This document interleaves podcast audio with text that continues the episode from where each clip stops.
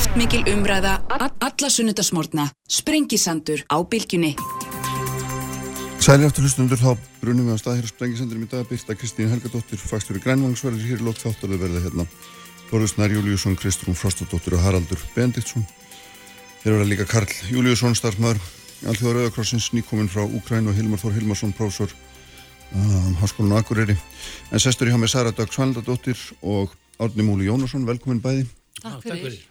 Sara er hérna, þú ert verkefnistjóri í samhæfingar, þetta er svo langur og flottu til, þetta er lesanlega, hann er verkefnistjóri í samhæfingar námsframboð og svo alfunutæki fara hjá landsamtökunum þróttbæði, hvorki meira en ég minna. Góð titill. Þú veist nú bara framkvæmstjóraðni, það er nú bara... það er einfaldara. Það er einfaldara.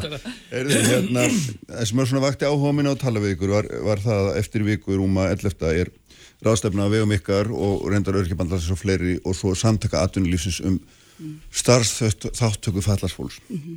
og hérna því fór aðeins að skoða þetta og þú sagði mér einnig frá því Sardag að það er, það er svona hverju ári millir 60 og 90 mann sem útskrifast með úr svona starfsmöntunar af starfsmöntunarbrautum í framhaldsskóla einhvers konar stúdinsprófin að geslappa mm -hmm. og, og hérna um tíu að þeim komast einhvern samning og restin dagar upp í einhverjum virkni úrræðum sem eru langt fyrir neðan þeirra getum. Mm -hmm. Þetta er staðan. Þetta er cirka staðan, já, já. Og, og, hérna, og við erum bara að reyna að taka til í þessu kerfi já með auðvitað bara, það sem okkur þótt svo mikilvægt með að halda svona fund, það var í raun og verið að ná þessu samtæli við atvinnulífi, því að ég held að sko atvinnulífi er ótrúlega mikilvæg rött og mikilvægur sko aðili að málinu mm -hmm. uh, og þannig að við svona bara blésum í þess að lúra og erum að gera það að því að við teljum líka bara svo mikilvægt, mér finnst við standa á svolítum tímamótum, við erum bara með nýja kynnslóð sem að hérna fólks, fallara ungmenna mm sem að hafa uh, farið gegnum lífið sitt fram á tvítugu í bara mjög miklu virkni og þáttöku í samfélaginu. Farið gegnum leik og grunnskóla, farið gegnum framhaldsskóla sem verður 20 ára gömur og þá svona vandast máli og þá einhvern veginn blasir við eitthvað allt annað samfélaginu þau eru vön. Mm -hmm. Þannig að hérna... Hvern, hvernig þá, hvað meinur um því? Tækifærin er svo fá. Það er, það er ekki, skólakerfið okkar er því miður ekki komið á þann stað að gera ráð fyrir þessum hópi bara almennt inn í námstækifærum sem að fólki býðist og hvað þá ungu fólki eh, sem að, hérna, er að klára eða útskrifast af, af hérna, frá framhaldsskólum. Uh -huh. Þannig að það býður þeirra einhvern veginn bara þetta að okkur þykir eðlilegast að þau fari út á vinnumarkaðin tvítug og eða þá að þeim, hérna, ef að það gengur ekki nógu vel, að þá eru við með e, virknúraði e, sem eru gríðilega mikilvæg að mörgu leiti og, og sem eru svona uh, meira kannski í, í, í skild við, við hæfingu og, og þetta ebla einstaklinga til e, þáttöku vissulega. E, og síðan eru við með e, nám á háskólastígi sem að er diplominám sem að einskorðast við mjög þrjár starfslínur, maður segja já. en falla fólk eru þetta bara alls konar, mm. fjölbreytur hópur og með ólíka getu vissulega en mjög fjölbreyta getu. Þannig að við höfum svolítið verið að kalla eftir því, við erum með marga bólt á lofti Já. og þetta er eitt þeirra að fá Já. að minnstakonstu aðtunulífið til þess að, vera þáttangandi í, þessu, í þessari vekkferð vegna þess að, að, að þegar við förum svona að þreyfa á málum þá kemur bara ljósa fólku veit lítið.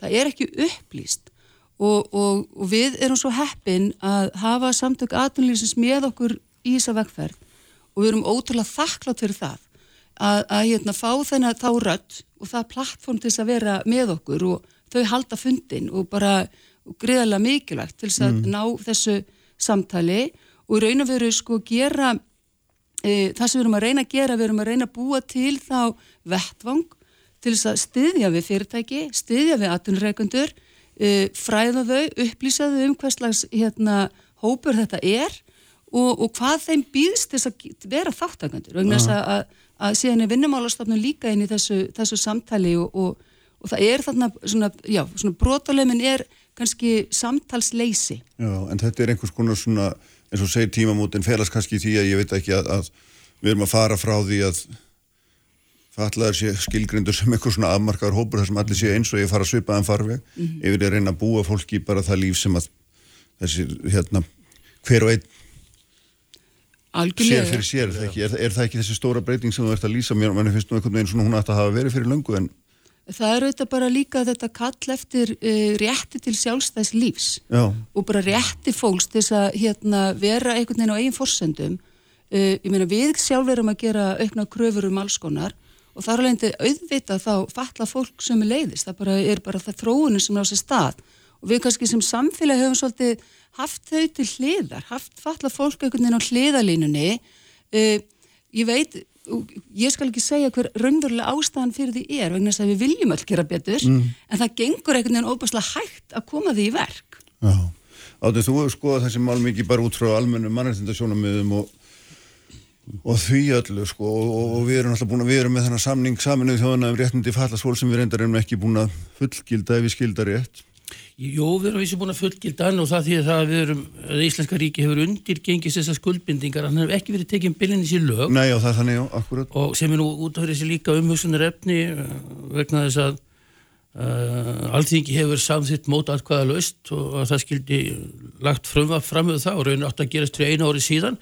En þetta er nú komið núna inn í stefnusgrá ríkistjórnarinnar og vonandi stendur hún við þetta að það er að segja lögfesta samningin eins og gerst á því barnasáttmálan og margindarsáttmála Evrópu og það er svona... Hverju myndi það breyta? Já, það styrkir þessi réttind og gerir þetta að einhverju sem hægt er að bera fyrir þessi byllinis sko þegar menn krefjast réttinda ég, svona sem einstaklingu krefst þessara réttind og domstól getur þá byggt niðurstuð á því Já. þetta er svona aðeins lagatæknilegt en þetta hefur mikla þýðingu og það er svolítið merkilegt sko því ég nefndi á þann að, að, að þetta hefur ekki verið, hann hefur ekki verið lögfest og þó að alþingi sem hefur umbúðið beint frá þjóðinni hafi sagt að það ætti að gerast fyrir einu ári síðan. Þá hefur framkvæmda valdið einhver, einhverjum ástæðan dreyið lappirnar en vonandi bæta þeir úr því núna og reka af sér slíður orðið fljótlega. En þetta er bara allt og oft í þessu málaflokki að, að þetta er einhvern veginn verður ekki forgámsverkefni og það eru sett gerað þýnsáletuna til um hitt og þetta og hérna síðan er þeim stungi honni skuffu og allþingi lætur yfir sig gang og framkvæmda valdið kemst upp með það. En sko við erum alla daga að reyna að láta samningssaminuðu þjóðanu réttindi fallast fólk sem er með mikilvægum mannréttindasamningur gerður á vettvangi saminuðu þjóðanu og er svona síðast í stóri mannréttindasamningur sem hefur verið gerðu þar nánast öll ríki heimunum hafa undirgengist hann og sagt við verðum að setja sérstakansamning mm. réttindi fallast fólks þess að þó að falla fólk hafi átt að njóta sömurtækifæra og vera vari fyrir mismunun og og ímiskonar hlutum sem þarna eru tilgrendir, ofbeldi til að mynda og öllum mögulegum hlutum minni tækifæri með aðra hópar, þá er það ekki að gerast.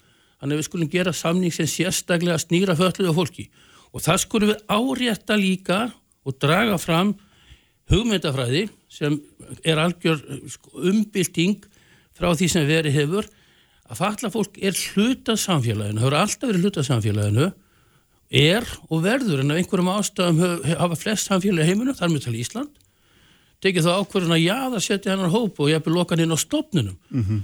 og það er að vindóna þessu og sem betur fyrir vera ímislegt áunist á Íslandi en það vantar ennþá mikið upp á að svona viðhorfin og, og sko skilningurinn hvað þetta þýðir, hvernig samfélagi þarf að breyta sér til að bæta fyrir þessa miklu mismunum og gefa fólki tækifæru öllum sviðum sem er fatlað uh, verðan þess að, að samfélagi hefur bara gett ráð fyrir þessu. Og ég, ég segi stundum, mér er að segja stjórnaskráni það, það sem er verið að kveða á mismunum þá er föllun ekki tilgrænt sem mismununar ástæði sem er bönnuð. Mm -hmm. það er ekki heldur í hérna, lögum um hérna, stjórnsýslu lögum það er ekki heldur í lögum um réttindi sjúklinga.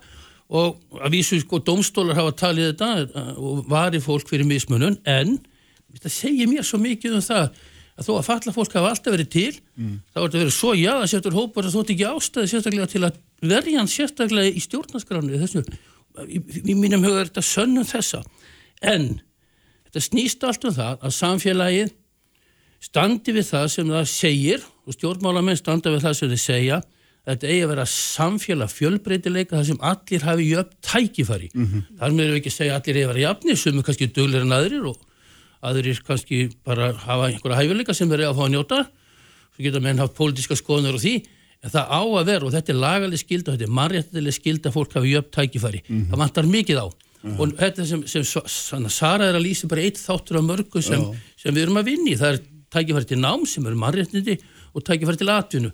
Já.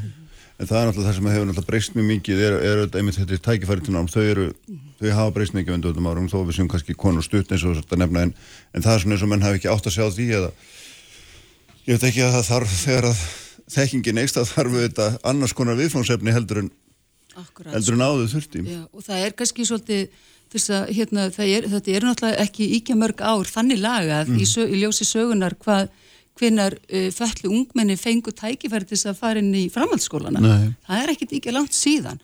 En uh, og, og, og þess þá heldur finnst manni sko að það, við þurfum að kerfið þarf að, viðhalda sér og það þarf þá að, vera viðbúið því að, að hvað, hvað viljum við svo hvað, hvað gerist síðan í framhaldinu. Við til dæmis vorum með, uh, hérna, sátum alveg mögnuðslu rástefnu sem ég held ég hafi setið í, í ára raðir sem fjölment hjælt í síðustu viku hún var engöngu um námstækifæri. Þar var fallað fólk, ungt fallað fólk fullorið fallað fólk að lýsa reynslu sinni. Já. og stendur þarna berskjaldað í, í pontu og, og fer yfir sögu sína, fer yfir stöðuna sína tvítug, fertug, þrítug hvaðu voru gömul uh, öll með sömu söguna.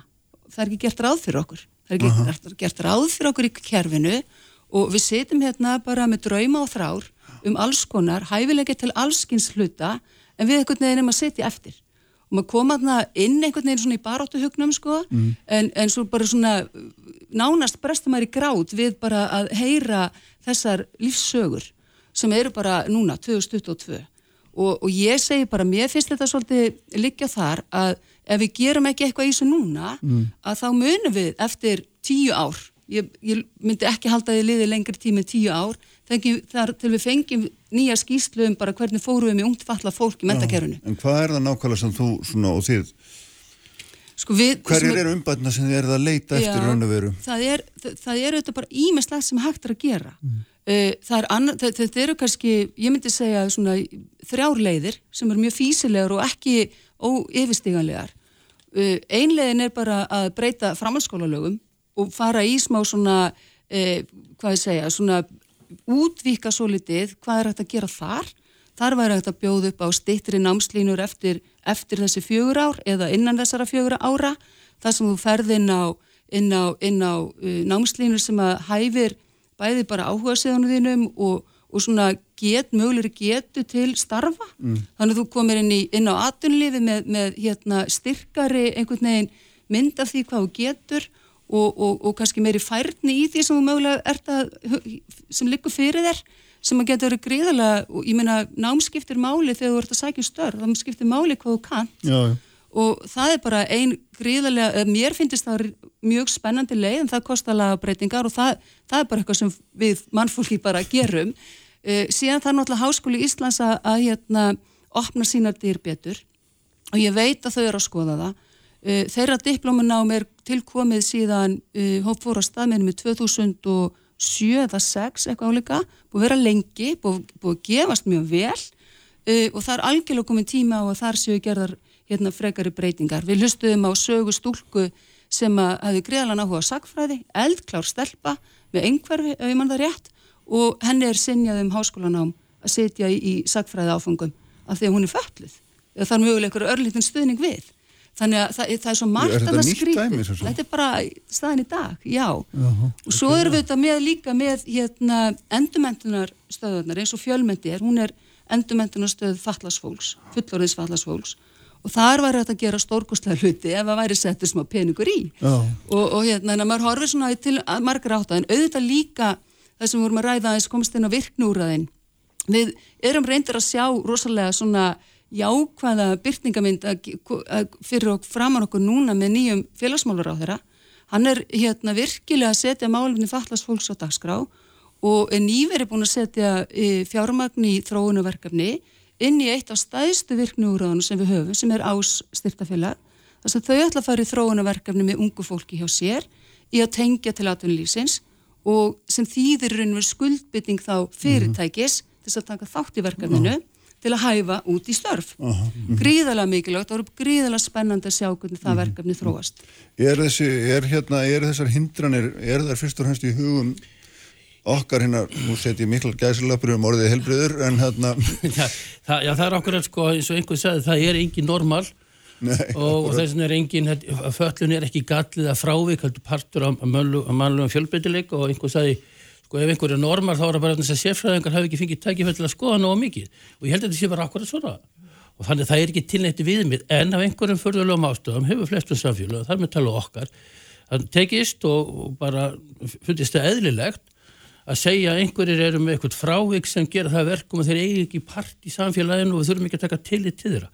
Núna er tækifæri til að snúa þessu við og samningurinn er tækifæri þá sem vilja virkilega að gera það. Núna skátlist um hvað þurfa að fara í gegnum og skoða. Hvernig þarf samfélagið að breyta sér? Og við segjum við sko mannréttindi er ekkert eitthvað sem verður aldrei hugsanlega uh, afnumið, það er að gera þetta sífælt hér og þar og við erum ekki með neitt sko tryggingu frá einhvers konar guð og það get ekki gerst hér og orðið afturþróun. Þannig að þetta snýst allt um það að fólkið í á öllum stöðum og þetta stjórnvöld sérstaklega atvinnulífið og við öll sínum í verki að við viljum búa í samfélagi marbreytileika þar sem allir hafi tækifæri nirki útilokaður jafnveg lokaður inn á stofnunum og svo framvegis og þá verður að breyta samfélaginu og hugsanargangi líka. Og við tölum til dæmis um skólan aðgreiningar sem er alveg greiðalega mikilvægur í þessu finnst okkur þannig að það eru þetta ekki bara verið að gefa fólki tækifæri til að vera þar í námi með öðrum heldur líka verið að gefa samfélaginu tækifæri til að uh, menta fólki því að gera ráð fyrir öllum.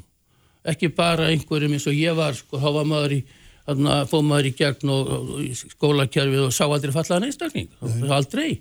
Og eftir að maður að því maður var svo heppin að koma frá sam, hérna, heimili sem svona aðeins hjælt utanum mann í einhverjum betri bekkjum og svo voru sumi sem voru í vondu bekkjum. Þetta var bara flokkað og allir vissu hverfa hvað. Já, já. sem betur verið ekki alveg þarna en það þarf að taka samfélagið allt og segja hvernig getum við lagað okkur að þessum skildum og gefið fölluðu fólki tækifæri sem því hefur verið neitað um frá öðrofi alltaf og við höfum tækið í þessu samningi og bara þetta hins vegar ekki eitthvað sem við getum sagt að aðri að sjá fyrir okkur, við þurfum að gera þetta sjálf. Hérna, fyrir, ég man ekki hvort það er kannski tvö ár síðan eitthvað svolítið, þá var gerð aðtugun á því, eða kannski bara eitt ár síðan aðtugun á því að við höfum örgja hérna, hvernig hefði gengið að hvernig stjórnvöldum, sérstaklega ráðnöndunum hefði gengið að standa við lofur sínum að fjölka fólki með skerta starfsketu í, hérna, í ráðnöndunum yeah. og svo niðurstaða var nú var satt, mjög daburlega við mann rétt, hún var eiginlega bara fyrir neðan allar hellur. Og, og þarna, maður veldi fyrir sem minna, hefur ofnverða stendur sér ekkert betur heldur, betur heldur en eða hvað, hvernig? Nei, því miður. Og, við, og það eru þetta líka það sem við erum að gera, við erum að hvetja við erum að reyna að tala líka við, tala beint til sveitafélagana og höfum verið að gera það og, og, og svona benda á bara svona einfalda leiður vegna þess að saman geta sveitafélag og ríkið þetta hafa gert heil mikið og, og styrti raun að veru ásýndin og verið fordamiskefandi auðvitað eiga að vera þar. Og hérna þannig að það er svolítið sem að er svolítið var einmitt áhuga að vera niðurst að það var ekki komið lengra en, en, en raunbar vettni hvernig, hvernig hérna Uh, hvernig, hvernig bæði ríki og sveitafölur standa sig gangar þessu.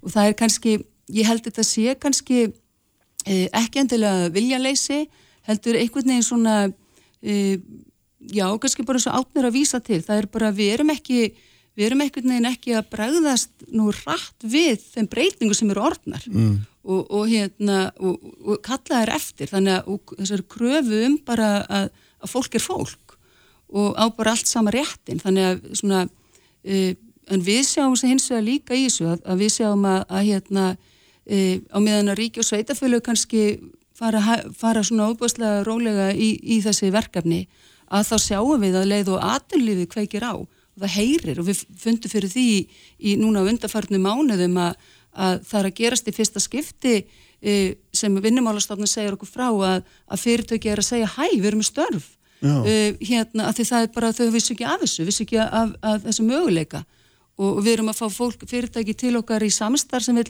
hjálpa til, hvað getum við gert við erum að fara að kynna þetta alltaf á þessum fundi hérna 11. apríl þar eru til dæmis alfreð vinnumilun sem ætla bara að opna sína gáttir fyrir atunlífið uh -huh. og breyta svolítið ásýndinni og fara bara þannig að þú getur bara auðvitað starf og þú getur farið beint inn í, inn í þennan lið sem er bara skert starfsketta eða uh -huh. hvað, hvað það þýðir sko. Uh -huh. Þannig að það er alveg ótrúlega gaman að sjá hvernig svona engagerinn hreyfist greinlega mikið mikið hraðar og kannski eitthvað sem við kannski óttuðum svolítið að þau gerðu ekki. Mm. en þau gera það svo sannarlega og það er alveg gríðarlega hérna, mikil fengur og mikil tækifæri fólkinni því. Já, já, nákvæmlega. Þarna já, þetta er hérna þetta er eiginlega bara það er það ekki? Jú, jú, Þetta er það algjörlega, en hérna tal talandum þetta sem Já. sko hún var að segja, hún, Sara sko og það er þessar hindranir sko sem eru stundum uh, lúmskar og í skólakerfinu er verið að gera kröfur um til dæmis einhverja tiltekna hæfni sem maður væri upp með að skilja þurfa endilega ráða úsleitu með það hvort þú kemst síðan í eitthvað ná ef þú til dæmis áhuga því að vera sko listamæður og vilt fara í listháskólan mm. þarfst að sína fram og setja eitthvað góður í algebru. Ég, ég er ekki eins og ég segi stundum ég held að Picasso hafi ekkert endilega verið góður í algebru þokkalegu listamæður Já, já, og þetta er út um allt, líkla hindranir verður það hefur ekki verið gert ráð fyrir. Og sami störf, þegar störf eru auglýst þá er oft verið að kalla eftir einhverjum, einhverju hæfni sem kannski er ekki neinu samhengi við. Nei. maður sé stundum, sko, já, ert þú hérna snillingur í mannlega samskiptum og ég, ef ég ætti að hérna sækja um að vera heiðalega þá myndi ég aldrei segja minnst einasta starf. Og hvað Nei, þá ef ég, hvað það þá sama, ég er með einhverja röskun sem kannski er beinlega sann að þú ert ekki þetta er útilokandi. Og það þarf að hugsa hvernig menn gera hlutin og útiloka ekki hópa sem eru berskjaldar hugsa alveg með veika sjálfsmynd og, og menn þurfa að vanda sig á öllum sviðum. Og síðan þessi viðegandi aðlögun að koma til mótsvið einstaklinga þar sem þeir eru, vegna þess að þeir eiga rétt að þeir eru partir af samfélaginu, þeir eru ekki einhver sko aðskota hluti sem við höfum bara setja út í hotn og geima þar. Og sem betur fyrir eru nú flestir held ég á því að þetta eigi ekki vera svona. Og við, við finnum fyrir meðbyr, ég vil ekki segja það Sara. Algjörlega. Já, það er allavega hérna, það er allavega gott að heyra. Já. við skulum ljúka svo á þeim nótunum og hérna, verður frólægt að fylgjast með framhaldinu. Bestu þakki fyrir að koma bæði tvö. Takk fyrir okkur Við ætlum að ringja í Karl Júliusson sem er starfsmæður Alþjóða Rauðakrossins, hann er, kom bara frá Úkræni gær, hann er út í Genf þar sem hann býr. Og ætlum að heyra hans í honum um þá reynslu. Svo ringjum við Hilmar, Þór Hilmarsson prófessor Akureyri, fjöllum að þessum möguleika á fríðarsamningum hann í þessu stríði hann fyrir austan. Sprengisandur á bylgjunni. Uppspretta frétta á Sprengisandi á bylgjunni. Sælir aftur hlustundur, þau eru farin frá mér uh, Saradag Svandardóttir Átni Múli Jónasson en í símanum uh, svona nú Sviss frá Genf er Karl Júliusson sem er starfsmæður Alþjóða Rauðakrossins, sæl að blessaða Karl. Já, blessaður, blessaður. Blessaður og sæl, takk fyrir að vera með mér. E, Þú komst frá Úgræni gær ert búin að vera þar í þrjár vikur sagður mér og hérna ert svona búin að vera að meta áhættuna uh, á því fyrir, fyrir Rauðakrossin að starfa þarna. Ég skil, skil svona starfs, starfslýsinguna rétt er það ekki uh, hérna segðu mér aðeins svona hvað, hvað situr eftir þegar þú ert komin tilbaka Já, já, maður veit alveg ennþá, ég er nýlendur þannig séð, ég Já. sendi í gerkvöldi og þannig að maður er svona ennþá að melta og, svona, og fara yfir hlutina. Um, en mín daglega vinna fælst einnig hérna í Genf í því að vera í sambandi við, uh, við Rauðakorsin í Ukraínu, þannig að ég er nú svo sem ekkert búin að, loka þann kapla ennþá. Um, en um, jú, jú, það er, þetta veit hann að sagði, ég er búin að vera hérna í þjár vikur og og í vesturhlutanum og þannig að uh, það er svona öðruvísi aðstæðu þannig í vesturhlutanum við að við austurhlutan þar sem að er sem að við myndum segja svona extreme risks og, og hérna og átök, virk átök í gangi. Fólk hefur þetta að lesi mikið um það í fjölmjölum í vesturhlutanum þá er þetta svona aðeins öðruvísi það veit hann að er búin að vera í þessari borgli víf sem ég hef verið mest í. Það er að veri nokkar svona erglu árásir á síðustu vikum. Uh, eitthvað mannfall ekki mikið uh, með almenna borgara. Og uh, þannig að þetta er svona daglega lífið hefur þetta að veri kannski mest að vera farið nokkur sem að dag þegar þessar loftvarnar flautur skella á að þá þarf maður að koma sér í skíli og annað og þannig að það er svona kannski helst að þessi sáluleiti þáttur í, í, hérna, í að vera og vinna í þannig umhverfi en, en an- annars, annars hefur bara, já, starf okkar hefur gengið vel annars, Rauða Krossins. Já, þú hefur gríðalega reynsla þessu sviðu, þú ert búin að vera í, í svona eh, skildum starfum í hvað tvo áratví að nála tí Menna, er þetta hvernig finnst þetta að vera í samanbyrði við aðra staði þar sem þú hefur komið á, ég veit til Haiti og Sri Lanka og, svo, og mörgum öðrum stöðum sem eru hérna svona þrónuríki sem eru virklu verð stödd heldur en Ukraina í, í svo mörgu tilliti hvernig, hvernig, svona, hvernig finnst þér samanbyrðin?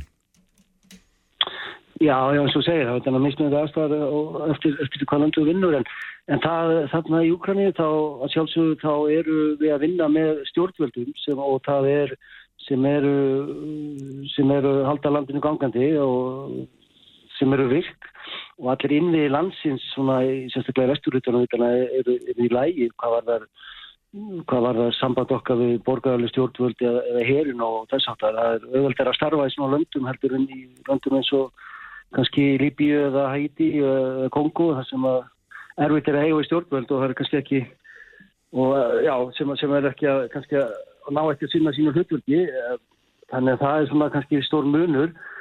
Uh, en, en eins og segi, það er í austrinu þá, þá hérna, er starf okkar kannski mest í því að, að hérna að tryggja svona, að reyna að tryggja flutning, öryggan flutning borgara, almenna borgara á þessum svæðum og, og, hérna, og síðan að vera tengilegur millir stjórnvalda eftir ís aðeila, skulle ég segja, begge eftir ís aðeila og, og hann að við, við erum, það er eitt af okkar stóra hluturkom að við erum þau samtök sem sjáum svona að þau, þau samtöl og hvað var það mann og rast og þess að þetta. Yeah.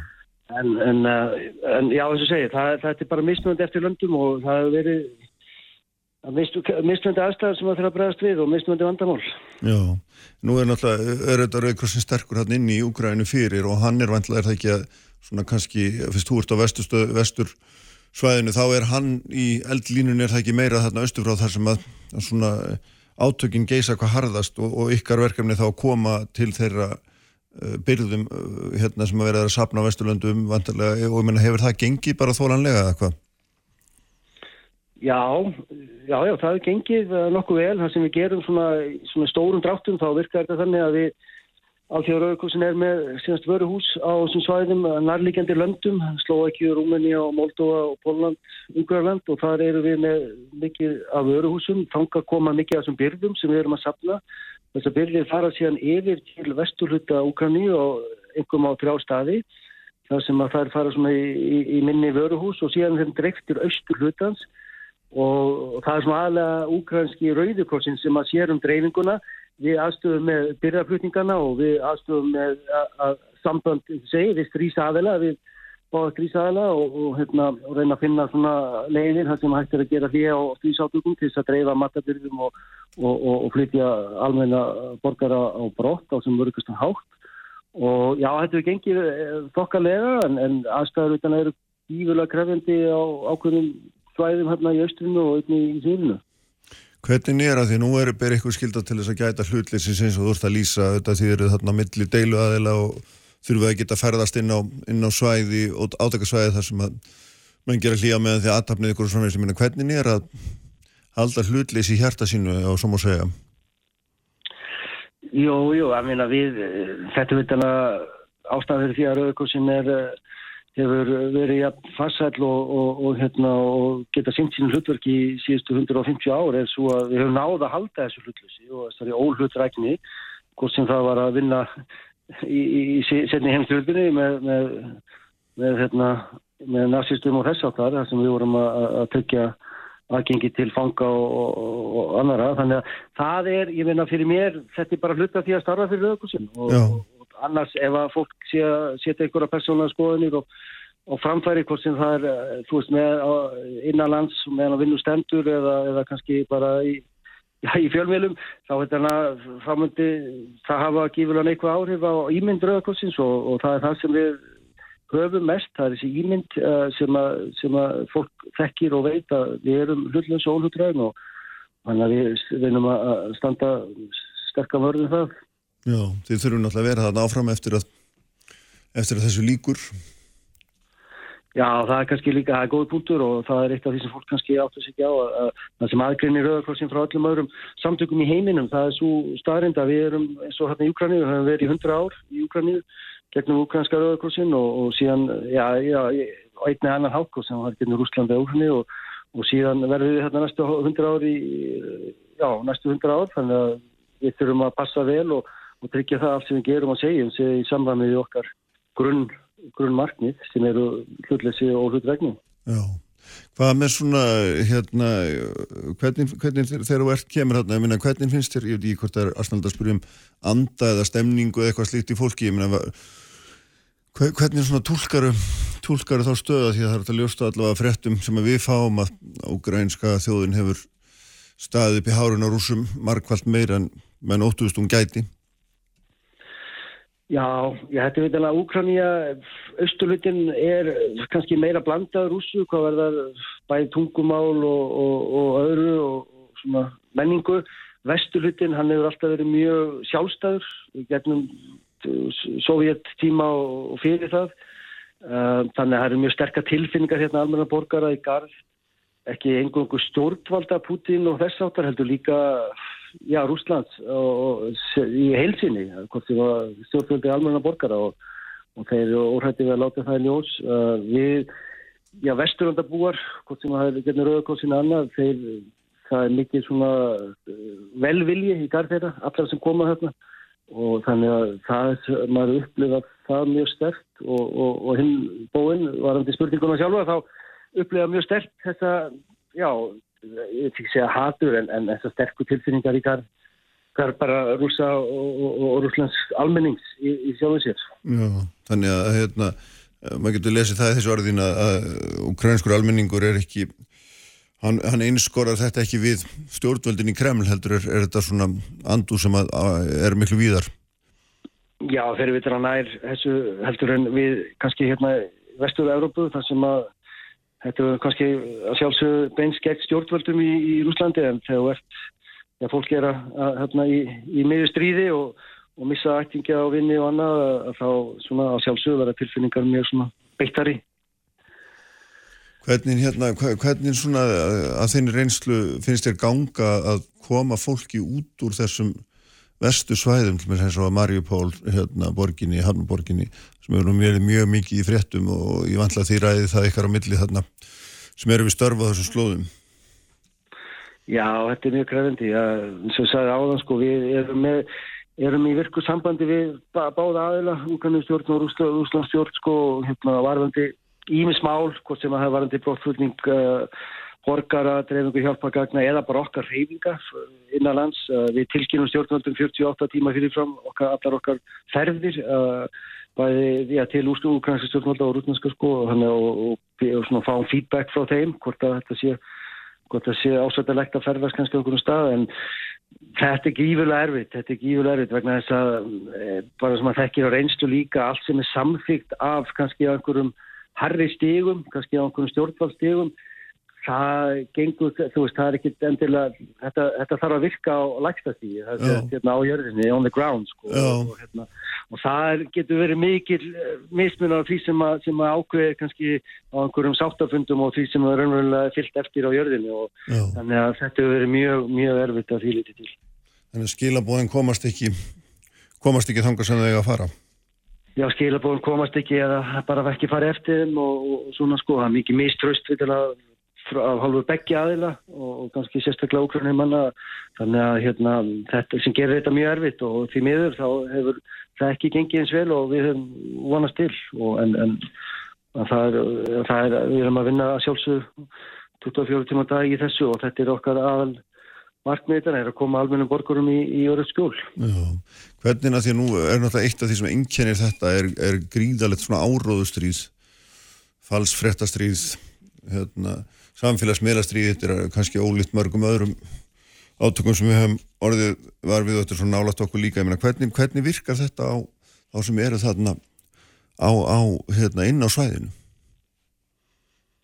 Það hefur þetta hefur þetta næst að segja Menna, stríð er, þetta er ekki bara stríð sem er háð á jörðinu millir stríðandi fylkinga, þetta stríð er líka háð svona online eins og maður segir á samfélagsmiðlum og þess áttar eða Ég get sagt aðeins til dæmis frá, frá okkar innlenda starfsfólki sem að, sem að er að vinna, var að vinna mikið með mér. Hann, hann var lærið í Rúslandi sko, í háskólanámi og hérna, á marga vini þar með þessi fjölskyldu og, og, hérna, og fólk hefur kannski lesið um þetta í fjölmunum en hann, eins og hann var að segja mér að hérna, hann var að reyna að útskýra hlutina fyrir, fyrir sínu vinum og fjölskyldu Rúslandsmegin og, og hérna og það er uh, aðgengi bara að upplýsingum er svo mismunandi hvort sem er í Úslandi eða og, hérna, í Ukraínu að það þetta hefur verið alveg það er ótrúlega að heyra lýsingarna á því hvernig, hérna, upp, hvernig hérna, líðan fólks upplifið það hérna, frá Úslandsmegin eða Ukraínu megin og hvað sé raun og verið að gera mm.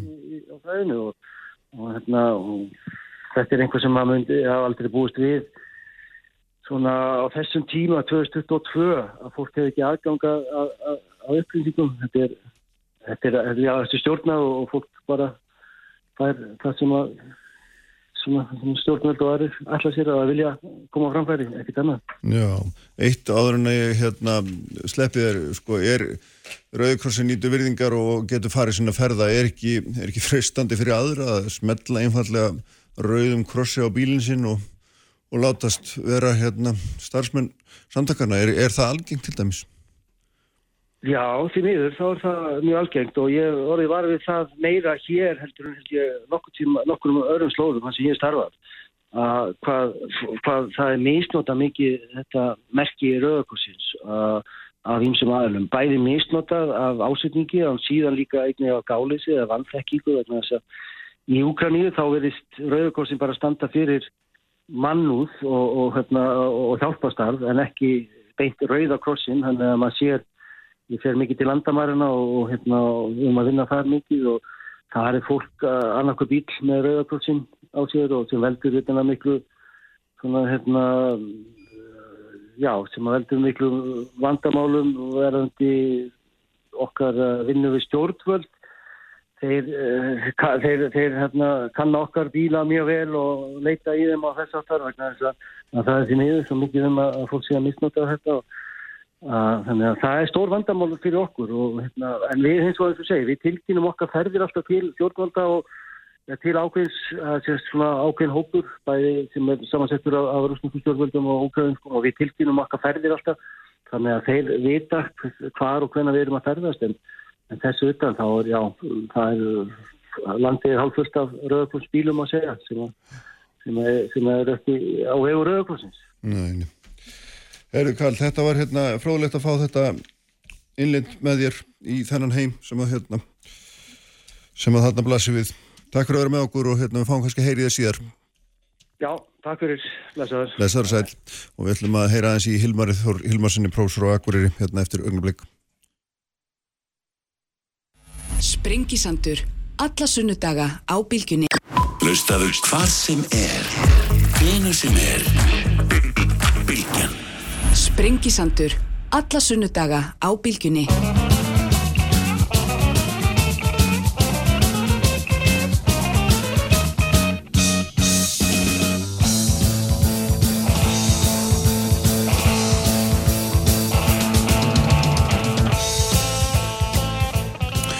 Sælega aftur hlustundur, Karl Júliusson uh, var nú símanum frá, frá Genf, kom frá Úgræni gæri eftir nokkura vikna dvöl þar á vegum Alþjóða Rauðkrossins í símanum Norður Akureyri hins vegar Hilmar Þór Hilmarsson sem er ótt sinni hefur verið hér prófessor Háskólinu Akureyri sérfræðingur í málum Östur-Európa. Sæla blessaður Hilmar.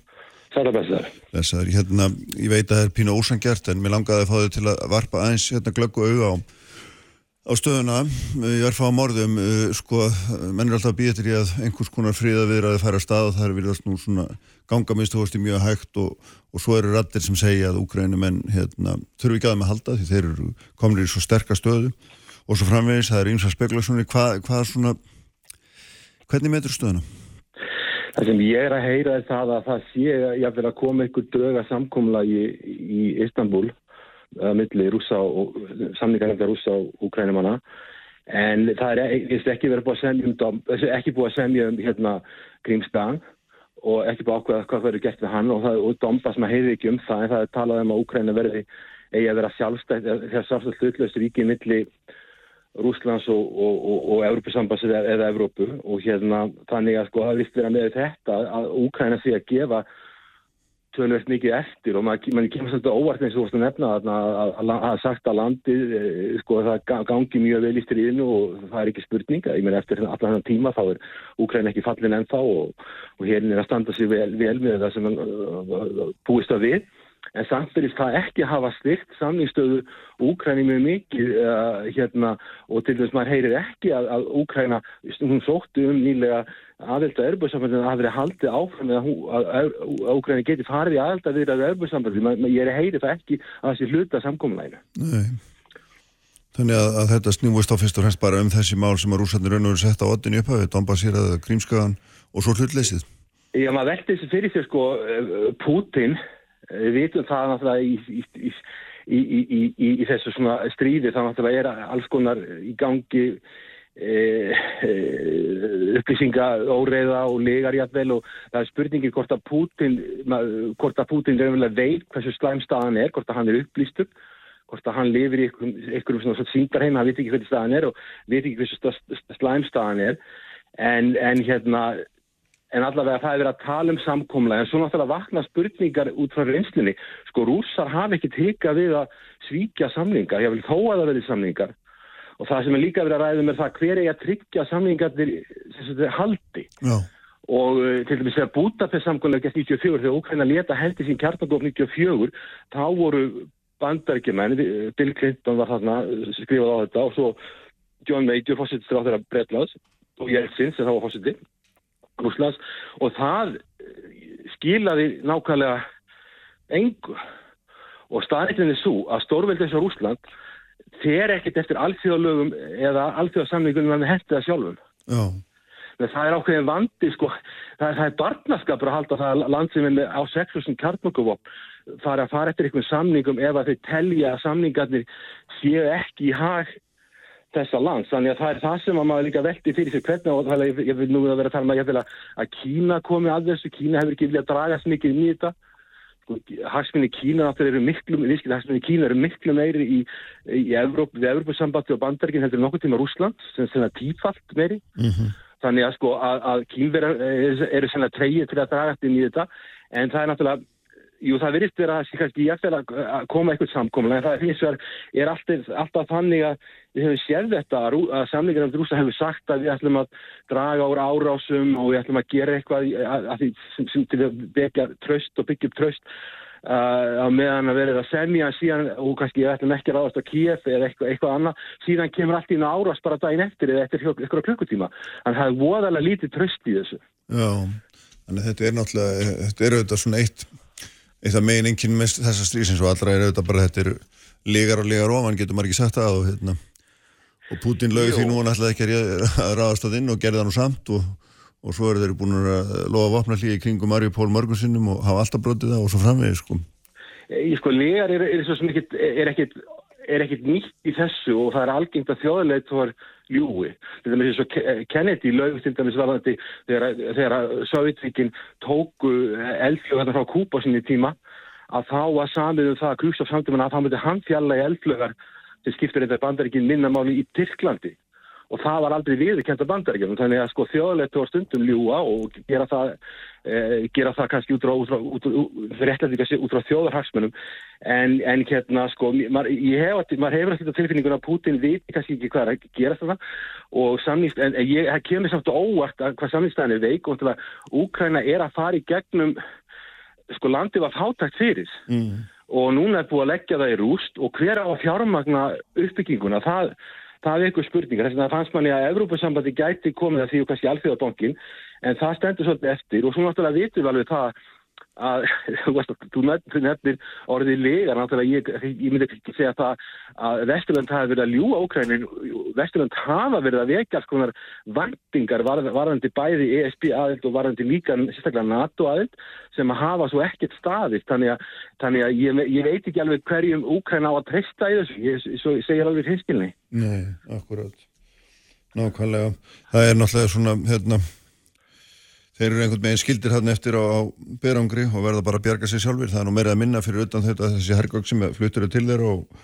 og mannvarast og svo framvís og hérna, flottamann aðstóð en, það er auðvitað svona eins og maður ekki segja það er náttúrulega svona með svo stu óbein þáttakið þessu fólkin í því.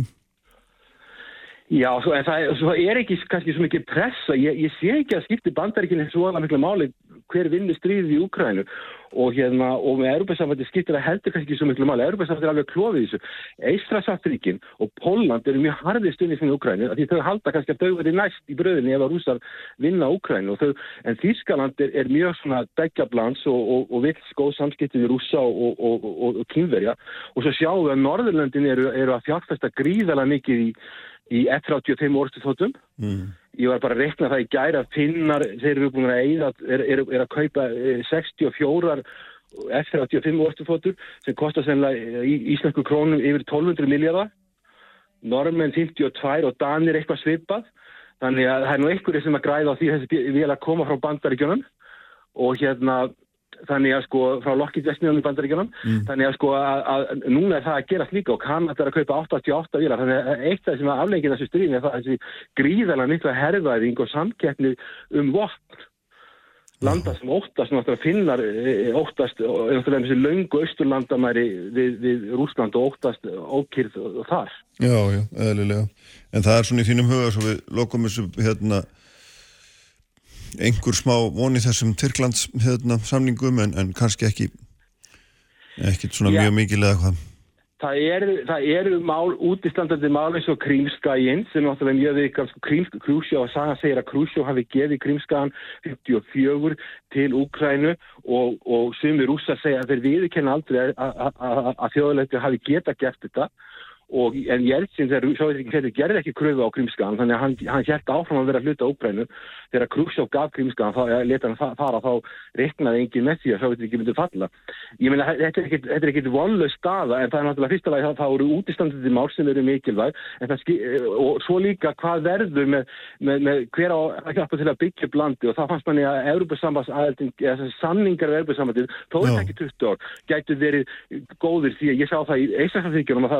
af Európa-sambandið þó er ekki 20 ár gætu verið góðir því að ég sá það í Eistræðsafíkjunum að það var mjög mikil uppbygging sem átti sér stað á meðan samningavirðan stóð. Þannig að það, maður sér, verður vekk að þessi hver mun tryggja samkómulagi og, og svo framvegis, það, það er það sem að stendur út af og það, og það sér maður ekki ennþá fyrir sig hvernig verður. Neini.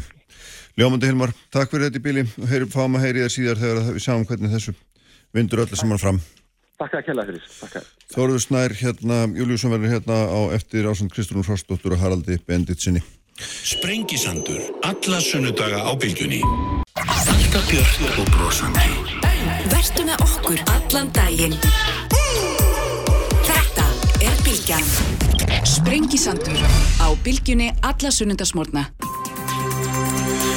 Sælir aftur hlustendur, uh, þeir farnir frá mér Karl Júliusson og svo Hilmar Þór Hilmarsson, rættum þar málumni Úkrænu, Birta Kristín Helgadóttir verður hér í lokþáttar uh, fagstjóri Grænvangs, samstagsvettangu stjórnmáld og aðunlífs um loflasmál, grænar lusnir og það allt saman sem er hérna okkur verið tíðrætt um bæði hér og, og víðar en þau eru sest hjá mér. Haraldur Benditsson, Þórisnar Júliusson og Kristrún Frostdóttir. Haraldur og Kristrún auðvitað alþingismenn Þórisnar Ríðsöður Kjarnas, sæla blessu öll, velkomin. Takk, Já, takk. Uh, Þannig að mér langaði að ræða eins um ykkur, við ykkur um þessa þessar uppsingar sem við erum búin að fá um útbóðið Íslandsbanka útbóðið kemur í ljósað hérna, það er umtalsverður hópur af fjárfæstunum sem fáum ekki að vita hverjir eru smáir fjárfæstar sem ekki eru svona, ef að kalla það kerfislega mikilvægir þeir eru ekki mikilvægir fyrir fjöldan þannig eru 16 hlutaða fyrir og þetta er svona aðeins önnur mynd heldur en að var dregin upp í upphafi. Uh, aðeins líka hérna tengið þetta svona saman við eitt og annað í pólitíkinni hérna, haldur, hvað, af hverju fáum við ekki að vita þetta og hérna er þetta ekki Er þetta ekki algjörlega ótækt að þessi verið að veita einhverjum völdum hópi afslátt af hlutabriðum sem er umfram eftirspurn eftir og, og þeir svona skipta engum málum, eða það skiptir engum málum fyrir bankan eða neitt að þeir séu þarna sérstaklega? Ég stötta svaraði þessu bara jújú. Jú, Já, það er bara þannig. Hérna, ég, mér langar sann kannski Já. líka til þess að horfa svolítið á heldamindin í þessu Já. og uh, fyrsta lægi það gekk vel að riðja þessum mikla magni hlutabrefin á markaðin. Það er líka, verður líka horfa til þess. Þetta var eh, aðferð sem er raun og veru undirbúin í lögum frá 2012. Svona skulle þetta framkvæmt, Bankasísland fer fram með þessum hætti, síðan hefur allur fókusin farið yfir á þessa, lit, þessa minni fjárfæsta þetta í útbóðinu. Og svona almennt segja það, og þetta gengir mjög vel, það sem að mér langar bara að byrja því að segja svona, hvað sem mér finnst veikleiki í rauksendafæslu bankasíslunar sem öruleiti finnst mér að hafa staðið sér vel í þessu er sko ég skil ekki alveg þessi rökum hérna að það hefur verið nöðsilegt að grípa einhverja fjárfesta sem hún skortið nýr í almennútbóðinu mm. uh, þú ert að velta fyrir sig þú ert að færa punktin yfir á þessa minni fjárfesta uh, við Kristrún sittum bæði í fjarlagarnemdini, við hittum bankasísluna uh, ég held að ég leiði mér að segja Kristrún mótmæli því sko, við viljum alveg fá þetta allt saman upp á borðið mm. og einhver tíma tegur þetta ef það er einhver lög sem hamla byrtinguslíka upplýsinga þá held ég að, að mín áskorun sé bara erðu leitum þá leiða til þess að, að hérna, breyta því, þannig að við erum ekki að festla með hvaða hlutabrjöð sem er þetta eru eigur almenning Já. og almenningur á, að, á rétt á því að vita hvernig farið var með þessa eigur. Já, Akkurat. Kristrún, þú eru mjög að grína á þetta með þennan hluta útbóðsins Já það eru oft svona litlu hlutirni sem skipta mestu máli. Af því að þar leynist oft spillingin hún er falin með og ég held að það hafi mjög margir bara verið mjög hissa þegar það byrtust svona fyrir tilvilju nöfn, þryggja aðila sem voru að kaupa eitthvað litlar upphæðir og svo kemur í ljós núna í gögnum í lókveikunar að að þetta eru 190 aðilar, næstu 200 aðilar sem kaupa þarna sig inn í, inn í bankan og þar að veru kannski 30 aðilar, einhverju stórir aðilar sko. Og það var nú bara þannig að þegar þetta ferli var kynnt þá voru færi rauk fyrir því að veita afslátt af banka sem er á markaði, nota beni það, það er markasverð fyrir þessa hluti á þeim forsundum að það þyrti að ná inn stórum aðlum langtíma fjárfestum sem væri að taka á sig mikla markasáttum eða kaupa stóra hluti. Þetta var skilningur allra á ástæði fyrir því að veita afslátt á ríkis eigg. Mm -hmm. Síðan byrja þessar fréttir einhvern veginn svona að seitla inn. Fyrir það fyrsta er það líka mjög neikvægt sko. E, fyrir umtalið tröstið á sölunni vegna þess að það er mjög alvarlegt ástand sem hefur verið sko í bankakerfinu og þegar kemur að trúveruleika stjórnvalda í tengslu við fjármálakerfi viðskiptalífið, það hefur ekki verið mikið traust. Og þetta, þessi staða sem núna er komin uppi, hún eidilegur að mörguleiti það tröst sem hefur verið byggt upp verðan þess að fólk verið að velta fyrir sér af hverju var ringtið sum og aðra, ekki. Það verið að hleypa af einstaklingum sem hefur, hefðu hæglega getað keift þessi bref á eftirmarkaði. Mm -hmm. Ég meina hversu margir Íslendingar eiga 10 miljónu króna og gætu keift á afslætti. Svo langar mig líka til þess að benda í þessu samengi af því að það er að berast fregnir af því. Ertu, ertu þú að segja okkur það að einstakar verbröðafyrirtæki hafa bara tekið um síman og ringt bara í einhvern? Ég meina það verður ekki vel. öðruvísi sé. Það eru mm. hundruður manna sem að gætu fallið undir þá skilgrenningu að vera hæfur fjárfestar, fagfjárfestar og eiga nokkrar miljónir króna.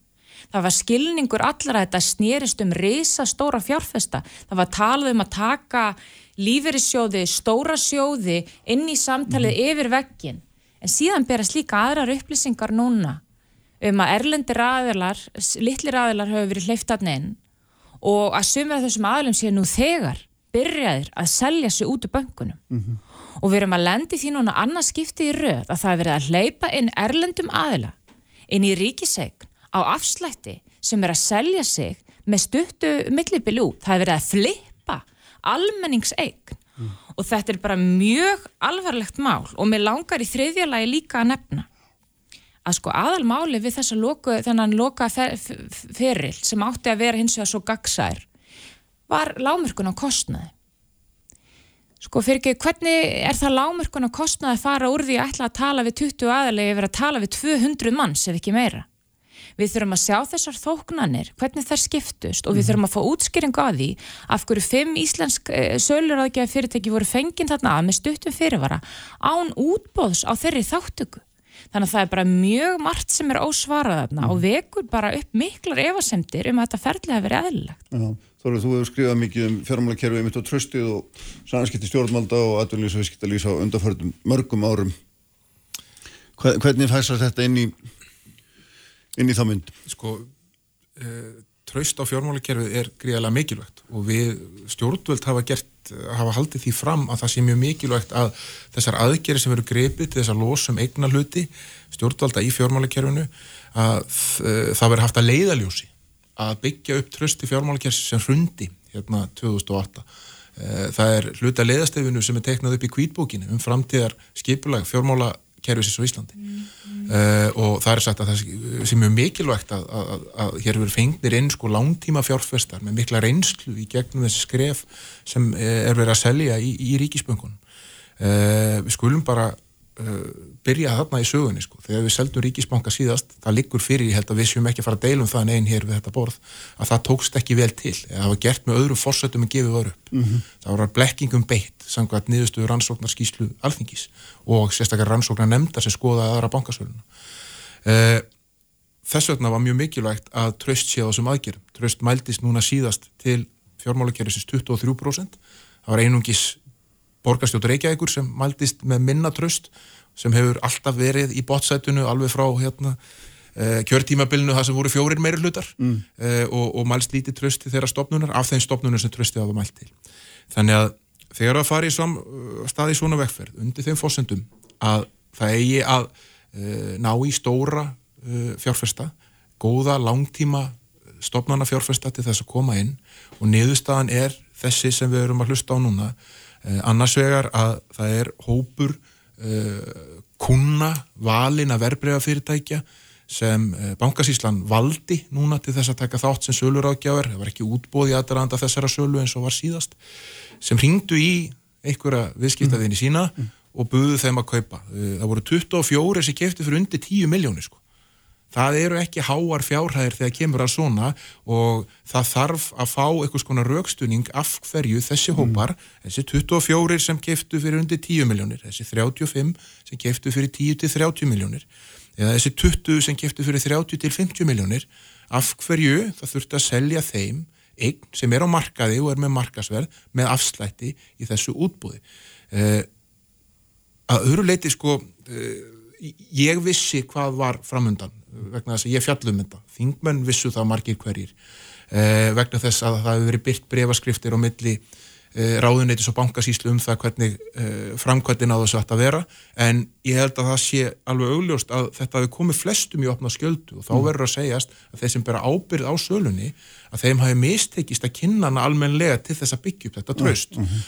og uh, það að Íslenski lífyrsjóður hafi bóðið og verið tilbúinur að kaupa allan þennan hlut með að það sem ég heyri sem var til sölu, bóðið langt umfram það sem þeir fengu voru skeftinir í 30% eða eitthvað stíkt að því séu keftu uh, en samt er þótt nöðsilegt að selja einhverjum einstaklíkum sem við meðum ekki vita hverjir eru og eh, erlendum sjóðum sem eru eins og ég hef heyrt alveg svo Kristúnar minnast hérna á hann þegar byrjar að selja sér niður. Mm.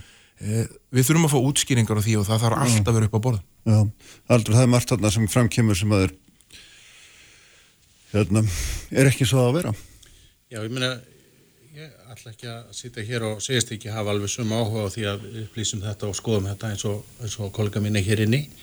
Og eins og ég nefndi þann ef, ef það er einhverjar hindran í þeim í, mm. á þeirri leið þá þurfum við að velta þeim fyrir okkur. Ég, ég bara segi, er, það er vond að við sjáum ekki stórumyndina uh, ég skil á hverju fólk er að hérna, velta þessu fyrir sig ég, ég veit ekki sko, eða hef ekki hirt þessa sögur um ellendusjóður sem eru að selja sér niður einhvers líkt aftur. Uh, án þess að ég vilji vittna í samtal fjárlega við, við uh, bankasísluna á lokuðum fundi þá uh, vörpuðum við svona hlutum fram. Við þurfum síðan að fylgja þeim fundi eftir við, við bankasísluna og kalla eftir fleiri svörum um til dæmis hvað mörgum var hafnað og, og hvernig það gekk fyrir sér. Mm -hmm. ferillin er bara þessi bankasíslan framkvæmir þetta, hún fær ráðgjafa sem, sem metur markaðinn fyrir að máta sér inn og hann, fyrir að kanna áhuga. Síðan koma þarna fimm uh, söluráðgjafar inn, inn í ferlið. Uh, sjálfsagt að eðlert að kalla þetta því hvernig þeir voru valdir á hvaða fórsendum þeir komu. Síðan fara menna að velta fyrir sig hverju fengur símtálu hverju ekki. Skilabó bankasísluna voru bara mjög skýra að okkur er sagt heyrðu, við viljum ná árangri, við viljum selja sem flestum. Mm. hlutverk eða megin tilgangur útbóðsins er að selja sem flestum, það er að hafa áfram drengt egnarhald, þetta er fjölmennasta almennis hlutafélag í Íslandi í dag. Og uh, bara við ætlum ekki að setja undir því uh, núna í framönda þessari sölu að einhvað einhvað gruggut þarna. Við viljum upplýsa þetta, við viljum svara þessu spurningum mm -hmm. sem komnar eru fram. En ert ekki, ert ekki sammála því þá að það sé ákveðin svona þetta sé eitthvað laus beisla ferli fyrst þetta endar svona? Sko það er eitt er þessi stóru og þessi stóra menn sem þú ert að horfa á en, en, en síðan þú ert að tala með og við erum að tala með almenn hlutafélag það eru fyrir í því sko hvað 16.000 hlutafar held ég sig að það er engin fyrir dreift eignarhald skiptir engum máli hvort það bætast við 20 eða 50 það er bara algjörst að aukaðrið sko.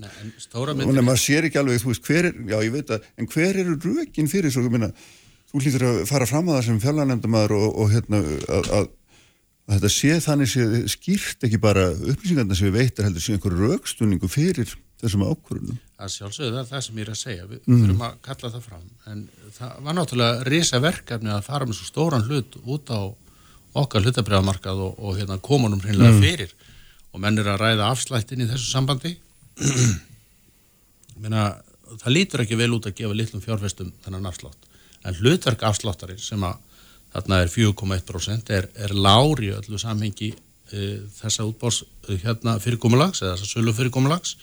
Er einmitt til þess að koma e, miklu magnið verbreyf út á markaðin meðal annars.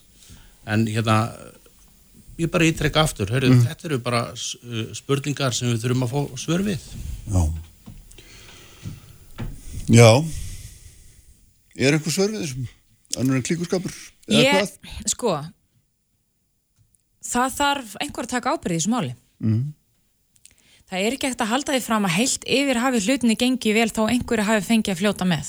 Þetta er mjög alvarlegt mál og það þarf einhver að taka ábyrðið þessu máli. Við þurfum að fá að vita hverjir vissu hvað, hversu langt, af því að þetta er auðvitað ekkit annað en spilling. Spurningin er bara hversu langt og hversu hátt upp hún nær. Það liggur alveg fyrir að það er einhverjarna sem hafa aðgang að þessum kaupum sem stóð ekkert til að eigi að kaupa. Það eru komnar eftir að skýringa núna frá bankasíslunum mitt að þetta við snúist um dreift eignarhald og jafnræði. Sko, Þetta er bara allt önnur sögurskýring. En eftir á skýring. Ég meina, Haraldur, það var uppála lagt með og þessar kynningar sem að fjárlega nefnd sáir og ofinbæra snýru að því að það var verið að veita stórum e, e, einstaklingum og, og, og sjóðum afslætt á komin og taka á sig markasáttu. Mm -hmm. Þetta var ekki upplegi sem að fari með.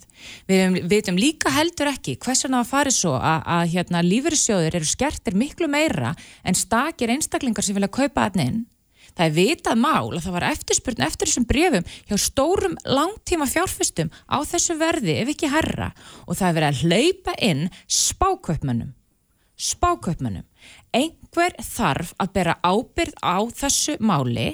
Þetta snýst ekki bara um upplýsingaflæði. Það liggur alveg fyrir að það þarf að fá að vita í hvernig hring, listi. Hver er þessi einhver? Kristún? Ég menna ríkistjórnin, fjármálaráðura, ber auðvitað höfuð ábyrð í þessu máli. Það liggur alveg fyrir og það þarf að fá fram. Það er ekki hægt að segja, bankasíslan er hérna armslengt frá okkur, þau sjáum framkvæmdina og svo segir bankasíslan bara, já við erum bara framkvæmdaraðili, svo er þessi bara þessir fimm aðilar, þessi sörur ágæs við sjáum um.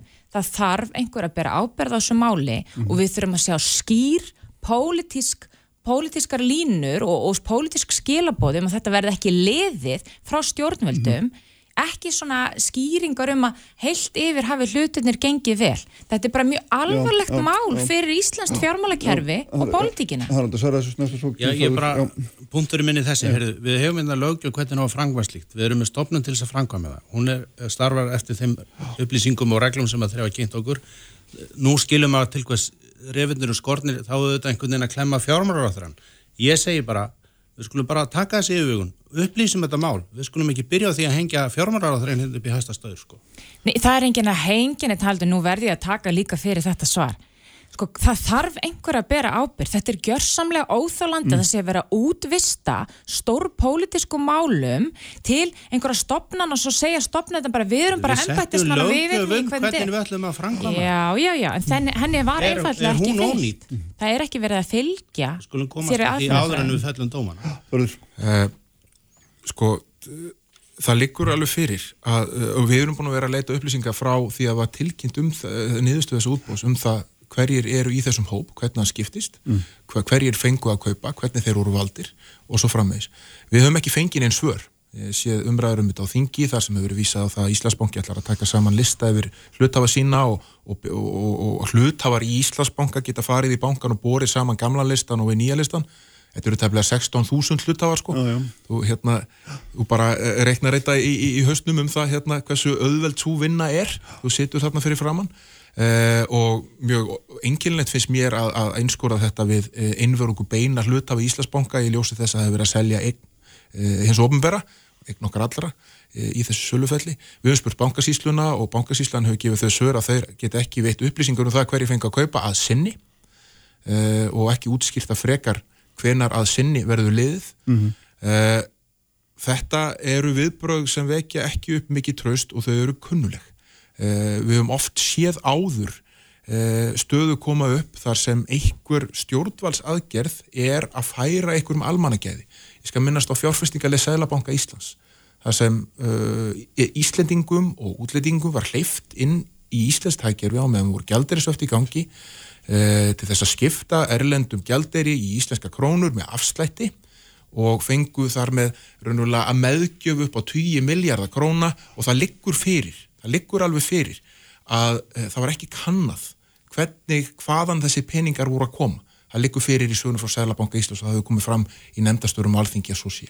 E, og þrátt fyrir það hefur engin vilji verið þrátt fyrir að þessari leið hafi verið að loka 2015 að fara yfir það hverjir það voru sem fengu þetta tækifæri sem fengu að koma inn í Ísland á tíma þegar eignir sem voru endur skipulegra böngu voru að bruna átsölu og eh, fengu þennan viðbótar uh, afslátt til þess að kaupa upp þessar regnir, hvorki íslendingar eða útlendingar mm. og þrátt fyrir að hérna, þetta er margrætt á vettvangi þingsins og í fjölmjölum og við annars það, þá liggja þessu nöfn. Þú sér bara beina þráða milli ég, þessara aðgerður og... Ég, er bara að segja að, að það er áður komið fyrir að mm. það hefur gerst eitthvað í íslenski stjórnsýslu og þar erum sko eitthvað hérna, sem átt sér stað á tíma sko tveggja mismunandi ríkistjórna, vinstirstjórnarn og svo þeirra sem tekur við e, þannig að þetta er svona, e, er engin svona e, sértæk pólitísk ábyrð á þessari leið, hún er dreifð mm -hmm. E, en við höfum áður séð e, svona koma upp það sem einhver hópur fjárfesta fær að komast, að fær ykkur almannagæði, eitthvað gæði sem veitir þeim sko hagnast fjárhagslega á ykkurju mm. og það hefur verið varstað um það að ofnbæra hverjir þeir eru og þá hefur verið borið fyrir, eins og Haraldur minnst enná þannig að það voru lög sem stóði í vegi fyrir því að það mætti mm. e, byrta þessi nöfn mm. mjög gott að heyra málflutningi núna um það ef að lögin standi í vegi fyrir því að þessi nöfn þessara litlu aðeila sem fengi að kaupi þessu banka og eru því miður að rýra e, trúveruleika þessar aðgerðar að þá er þetta bara farið í það að breyta þeim lögum það er mjög gott að heyra það og það er, það er, hérna, það er óskandi að, að vera staði við það e, en af hverju var ekki farið í það að breyta þeim lögum þegar þetta hefur gerst áður uh -huh. skilur þú?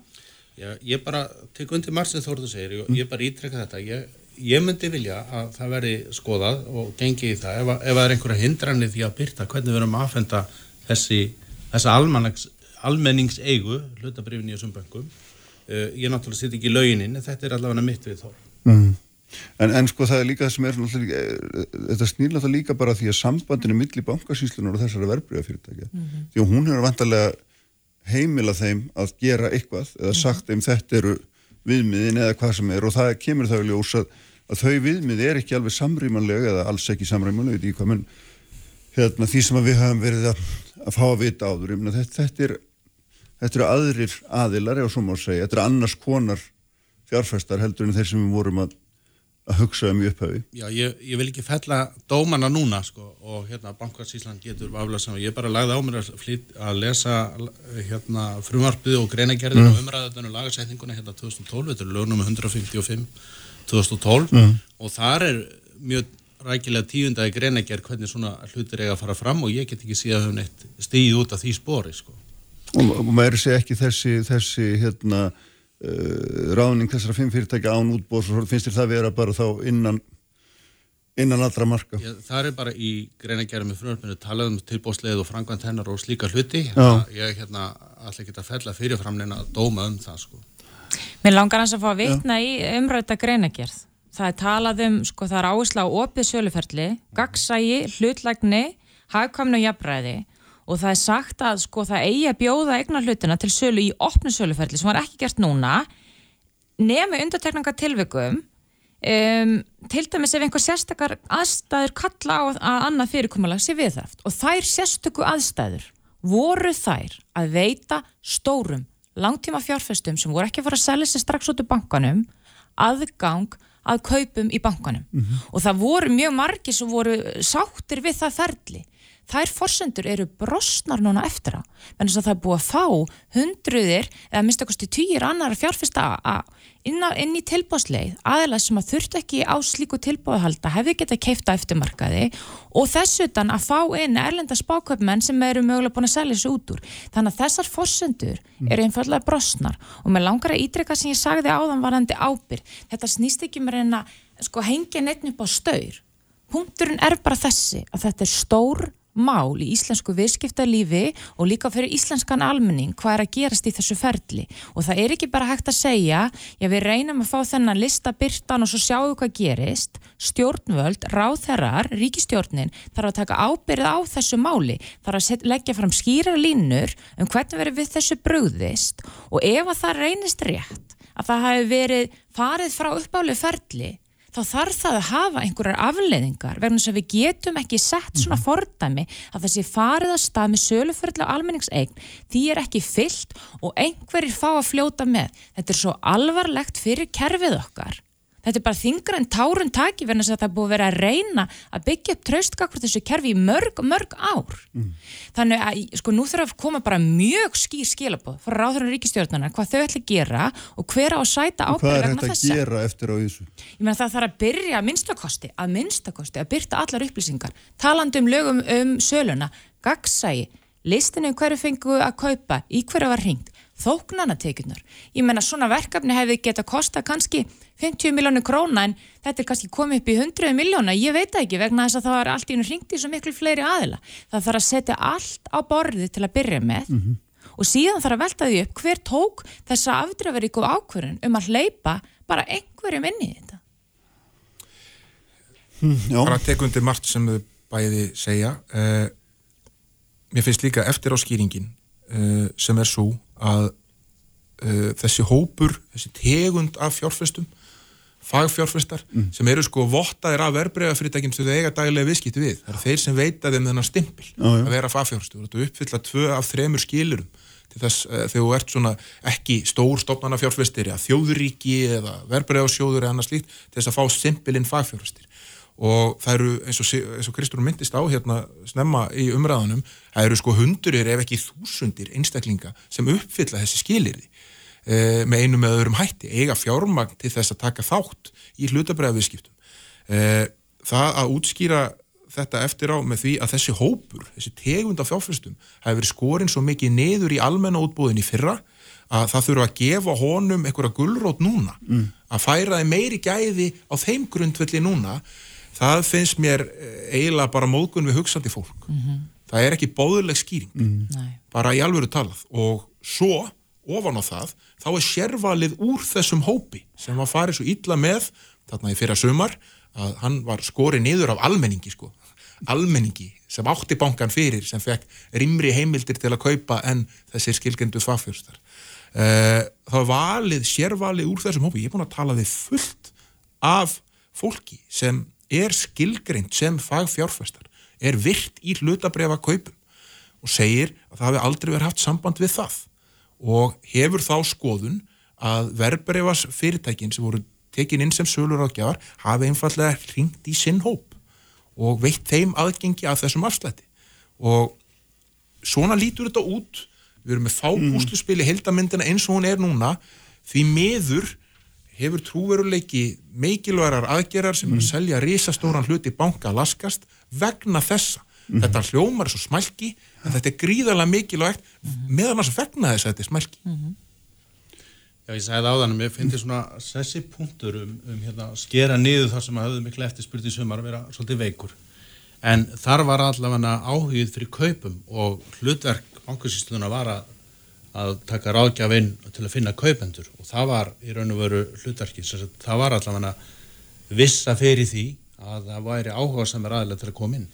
Bara ég held að við séum svona í öllum aðalatriðum alveg sammálum það hér. Ef að það skiptir einhverju máli í heilta samkynna að við þurfum að ná öllu púsluspilinu á borðið og, og reyna að skilja hvað, hvernig þetta fór fram. En svona þanga til held ég að sé nú ekki rétt að fella henni á dóma. Bankasýslan hefur þetta hlutverk. Hún eh, er að taka saman þá gögnun um það og rétt eins og við höfum líka rætt uh, hverji keftu og slíka þætti og hvernig sölur ágjáðinu voru valdir eins og hérna líka hefur komið fram fyrir þessu eru mm. ágætt svör og við bara draugum þau fram Já, þú telur að hérna, en finnst þér ekki ástæðilega efarsnitt um að bankarsýtlan hafi farið rétt að hvað þetta var þar? Ég, ég er ekki tilbúin að, að efast núna en ég er líka að segja heyrðu, við eigum eftir að fá mikið að svörum mm. sem að mér finnst ekki gott uh, og ég tek bara undir með sessunutum mínum hér þetta, þetta skapar uh, vantröst á þetta ferli. Við eigum eftir að selja stóran hlut í bankana til viðbótar. Já. fyrst þurfum við að reynsa þetta upp án og við getum stíðið hvernig, hvernig á að bregðast við svona hérna við því að að vantröst hafi skapast? Hvaða leið séru til þess að, að endur heimta það eða, eða vinna gegn því? Já, bara fyrst þurfum við að skilja hvað fór fram. Ég, eins og mm. segi, það eru vafalus svör og skýringar til. Ég, ég veit ekki hverðu eru, ég ætla ekki að dæma þau fyrir þau koma en en uh, þetta hefur áhrif. En það er líka eins og ég sagði upp að það er mjög vond að, að þessi mynd sé að tegnast upp á ágætlega velhæfnari aðgerð sem að skipti ríkisjóð alveg gríðalögu máli og við getum hort á til dæmis það að eh, þetta sparar um 8 miljardar ári í vastakreislur minkandi lánsfjörð og ríkisins og fleira og fleira. Mm -hmm. Mér langar að bæta aðeins við í lokin verna þess að talandu um spartna þá voru þarna einhverju mörg hundru miljónu krónar sem voru veittar í afslátt til aðala sem að þurftu ekki að fá afslátt í þessu ferli og það er nú bara peningu sem hefur getað nýst einhver starf annar starf hjá ríkisjóði og svo staðreinda ymmit við eigum eftir að selja hlutu bankanu þýðir að það er ennþá mikilvægara að það sé komið til botts í þessu máli, einhversi dregin til ábyrðar vegna þess að þegar það er ákveð, það er ekki hægt að gera bæði og það var ákveð að fara ekki almennt útbóð til að spara kostnað og fá ákveðna tegund fjárfesta inn.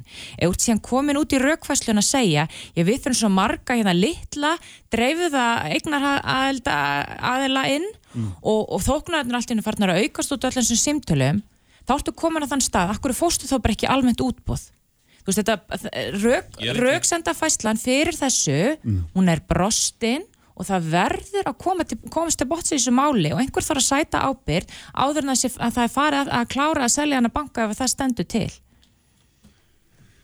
Já, hörðum, ég heldur komast nú ekki lengri í bili í það minnsta. Takk okkur öllum fyrir að koma. Takk. Já, þú vinnir það, þú ert búin að, hérna, þú ert búin að heita því að þú ætlar að draga draga allt upp á yfirborðið, það er allavega hérna, ég gæti ekki skiljiði betur. Nei, bara, ég ætla bara að taka utan að við má sko, þess umræðin um þetta er ekki lokið inn í, í fjárlaganemnd og aflustin ekki inn í efna og sviðskiptanemnd sko, það, það heldur áfram. Ljómandi, Haraldur Þorvarsnær og Kristrún, takk fyrir að koma all Takk, takk. Birta Kristín Helgadóttir verður hérna hjá mér eftir augnablik. Sprengisandur, alla sunnudaga á bylgjunni. Sprengisandur á bylgjunni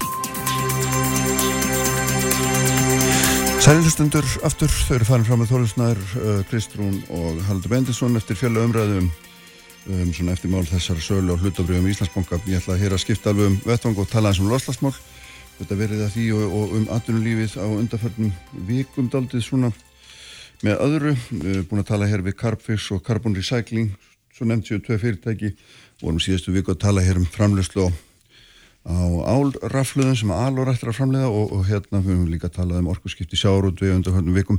Og svo þegar ég ætla að halda þess aðeins áfram því sestir hjá mig Birna Kristín Helgadóttir sem er fagstjóri Grænvangs sem að er samstagsvettungu stjórnvalda og adunlífs um hérna í, þeim, í, í því ögnum við að draga losum gróðrúsa loftegunda og stiðja við markviðum kólumnislaust Ísland. Er þetta ekki nokkurt með rétt seljablössu og velkomin Sæljú, takk hella fyrir og eh, þetta er bara, þetta er bara akkurat, akkurat svona. Akkurat það sem þú ert að fástu þessa dagana og segðu mér aðeins hérna bara östuð svona þessi grænvangur, hvað, hvert, hvert er hans, hans hlutur, þarna renna saman stjórnvöld eitthvað með henn og aðunlífið og er að reyna að gera hvað? Grænvangur er sem sagt eh, samstagsvettvangur aðtunleifs og stjórnvalda um loslasmál og grænar lausnir mm -hmm. og, eh, og hefur í rauninni markþægt hlutverk, annars vegar innanlands að að hvetja íslensk stjórnvöld uh, til uh, áframhaldandi og, góðs samstarfs og samvinni við, við uh, atvinnlífið og, og vera svona einhvers konar meðlgöngu aðlum það eða stöðningur. Uh, við viljum síðan halda áfram að steyðja við íslensk fyrirtæki á loftslagsvekkferðinni sinni og gerum það með ymsum hætti, viðbörðum og, og fræslu og öðru. Og svo viljum við auðvitað taka þátt í að skapa málumlega og jákvæða umræðu um þennan málflokka því að þannig náttúrulega ná við bestum árangri ef við, ef við, ef við ná, nálgust þetta stóra verkefni með jákvæðum og samhendum hætti. Mm. Sen erum við með hlutverk á erlendargrundu líka og við erum auðvitað hýst innan Íslandsstofu og þar, þar er okkar helsta hlutverk að stiðja við íslenska græna lausnir og, og uh, halda því á lofti að Ísland sé og verði áfram leiðandi land á sviði sjálfbarni. Mm. Og hvernig gengur það? Það er nú forvöldinlegt. Erlenda, Já, erlenda hlutin. Það gengur alveg gríðilega vel Já. og hérna þrátt verir undarfærin tvö ár uh, og vettvangur þess að strykjara og undarfærin tvö ár hefur náttúrulega ákveðin, ákveðin, ákveðin þáttu sett svona stryk í rekningin en, en síðasta ár var til dæmis bara fór langt fram úr okkar vonum og, og hérna Já. og við vinnum nú náið með líka sko alman, erlendum almann tengslaskrifstofum í að koma sögunum okkar á framfæri og fyrirtækjunum og, og við fórum held ég 20 falt fram úr okkar, okkar markmiðum á síðast ári í, í umfjöldunum uh, á erlendum fjölmjölum. Þannig að þetta virkar eins og einhvers konar markastofa fyrir íslenskar, íslenskt hugvit á þessu sviði eða hvað? Jú, í, í erlenda uh, hlutverkinu, algjörlega já. og þá í góðu samstræfi í Íslandsstofuna. Hvernig er, er, er þetta að vinna með, með stjórnvöldum annasvegar og atvinnulífin hins vegar því að við veitum það bara líkur í eðli málsast enga fyrirtæki og það sem við kallum venilega atvinnulíf hreyfir sér oft hratt og vil gerna gera það en stjórnvöld eru bara bundin að laga umhverfi og þau þurfu ofta að hreyfa sér hægar hvernig svona gengur að að samþætta þetta? Akkurat, sko uh, stuttusverði er ímd segja að kom ekki brágæðla uh, árangri verður náttúrulega ekki náð í loslasmálum eða öðrum málum án svona sam, samvinnu og svona samhend og með samhendu átæki samfélagsins í heilt og þar eru náttúrulega bæða að tala um stjórnvöld Já. og aðtunlífi og líka bara samfélagi og almenningin sko. En hérna uh, við erum með rosalega, við erum með mjög fjölbreytt bakland, við erum með náttúrulega ráðunitin inn í hjá okkur og, og, uh, og stóru orkufyrirtækin um, álverinn uh, og síðan erum við með verkræðstofunar og við komið fjölbreytt fyrirtæki líka úr, og flórur aðtunlífun eins og hérna úr uh, flug geirinum og sjávarútveinum og, og þjónustu tengdum greinum sko og hérna og svona kannski stærsta verkefni sem að við uh, höfum verið að sinna eða höfum sendt og, og gáum út í fyrra uh, sem að uh, fangar þetta samstarf er lofslagsvæguvísir aðtunleifsins og gáum hann út í fyrsta skipti fyrra eins og ég segi og ætlum að gefa hann aftur út á næsta áru og hann var unnesast með aðtunugræna félagunum og bændasamtökunum. Og í næsta skrefi gerum við aðfyrir að við, við sérst tókum svolítið stöðuna bara uh, í fyrra aðtunlífunu, losinu frá aðtunlífunu tækifært til úrbúta og svo framvegis. En næst kannski uh, er hugmyndin að fara í aðeins meiri svona mótun á, á markmiðum og aðgerðum. Og, og það tengist beint því sem var bara sett fram mjög skýrt í stjórnarsáttmála núverandi ríkistjórnar Já. fyrir jól sem er geira tengt markmið aðtunlífsins og við bendum bara uh, miklar vonir við jákvægt og gott samstarf þar. Já, það eru náttúrulega allir á flegi ferði í, í þessa sömu átt. Mm -hmm. Samtökuð innaðarins eru með mikið áttak á þessu árið, þetta er ár græna lausna, við mannum man ekki slókanir nákvæmlega, það er eitthvað þannig Já. og þeir eru náttúrulega, hérna, það er náttúrulega mikið sörður hluti af þínum samtökum, er það ekki, og svo er þessi, þessi stjórnarsáttmáli sem að lýsa, samorka er hérna líka með með miklar hugmyndir, það er allir á fullu eitthvað megin og þú ert eitthvað megin að setur það inn í miðjú og ert að reyna að fanga mm -hmm. þessa ströyma allar saman, er það ekki? Mm -hmm. Algjörlega, það er, það er nú hérna, árgrætnari innbyltingar. Já, heitir það, já, akkurat, já. Og, og, hérna, og bara virkilega, virkilega skemmtilegt og, og til til að nýlega staðin ásfundur hjá þeim. Það sem að uh, eh, orgu skiptin, uh, eh, sem er svona kannski stærsta verkefni uh, framöndan í, í loslasmálunum, voru, voru gerða mjög svona mikilvæg, eða bara svona rauð þráðurinn í, þeirra, þeirra fundi. En jú, það er náttúrulega fjölmörg aðtunugræna sem að eru bara leikil aðalar þarna í og eru náttúrulega beint henging inn í aðtunlífið sjálft, mm. vinna fyrir og með fyrirtækjunum sem eru síðan þeir sem að raunverulega eru að setja sér mark með uh, fylgja eh, aðgerðar áallunum um, setja auki fjármagn og, og mannskap og, og, og nýskum og þróa lausninar sem við þurfum til þess mm. að ná árangur mm. sko. mm. þetta er mjög mikilvægt En það er svona, maður sér auðvitað eftir því sem umræðu vindur fram að Og þetta er ekki einfalt verkefni sem stöndu fram með fyrir þessi orkurskipti er svo langt í frá og það var hérna, hún var hérna um daginn hérna frá samtökum, nafni dótturum er auðvitað kjánulegt en þarna uh, og fjallaði um sko orkurskipt sjáurúndi mm -hmm. og, og, var eiginlega svona bara varaman við að, að þetta væri miklu, miklu umfásmera verkefni heldur en svona væri oftast í almennri umröðu. Já. Þetta er svona bara eitt kapli í orkurskiptum eins og þetta sé svona bara komið næsta á eftir bílum en það er svo, mm. það er áratugir í að þetta.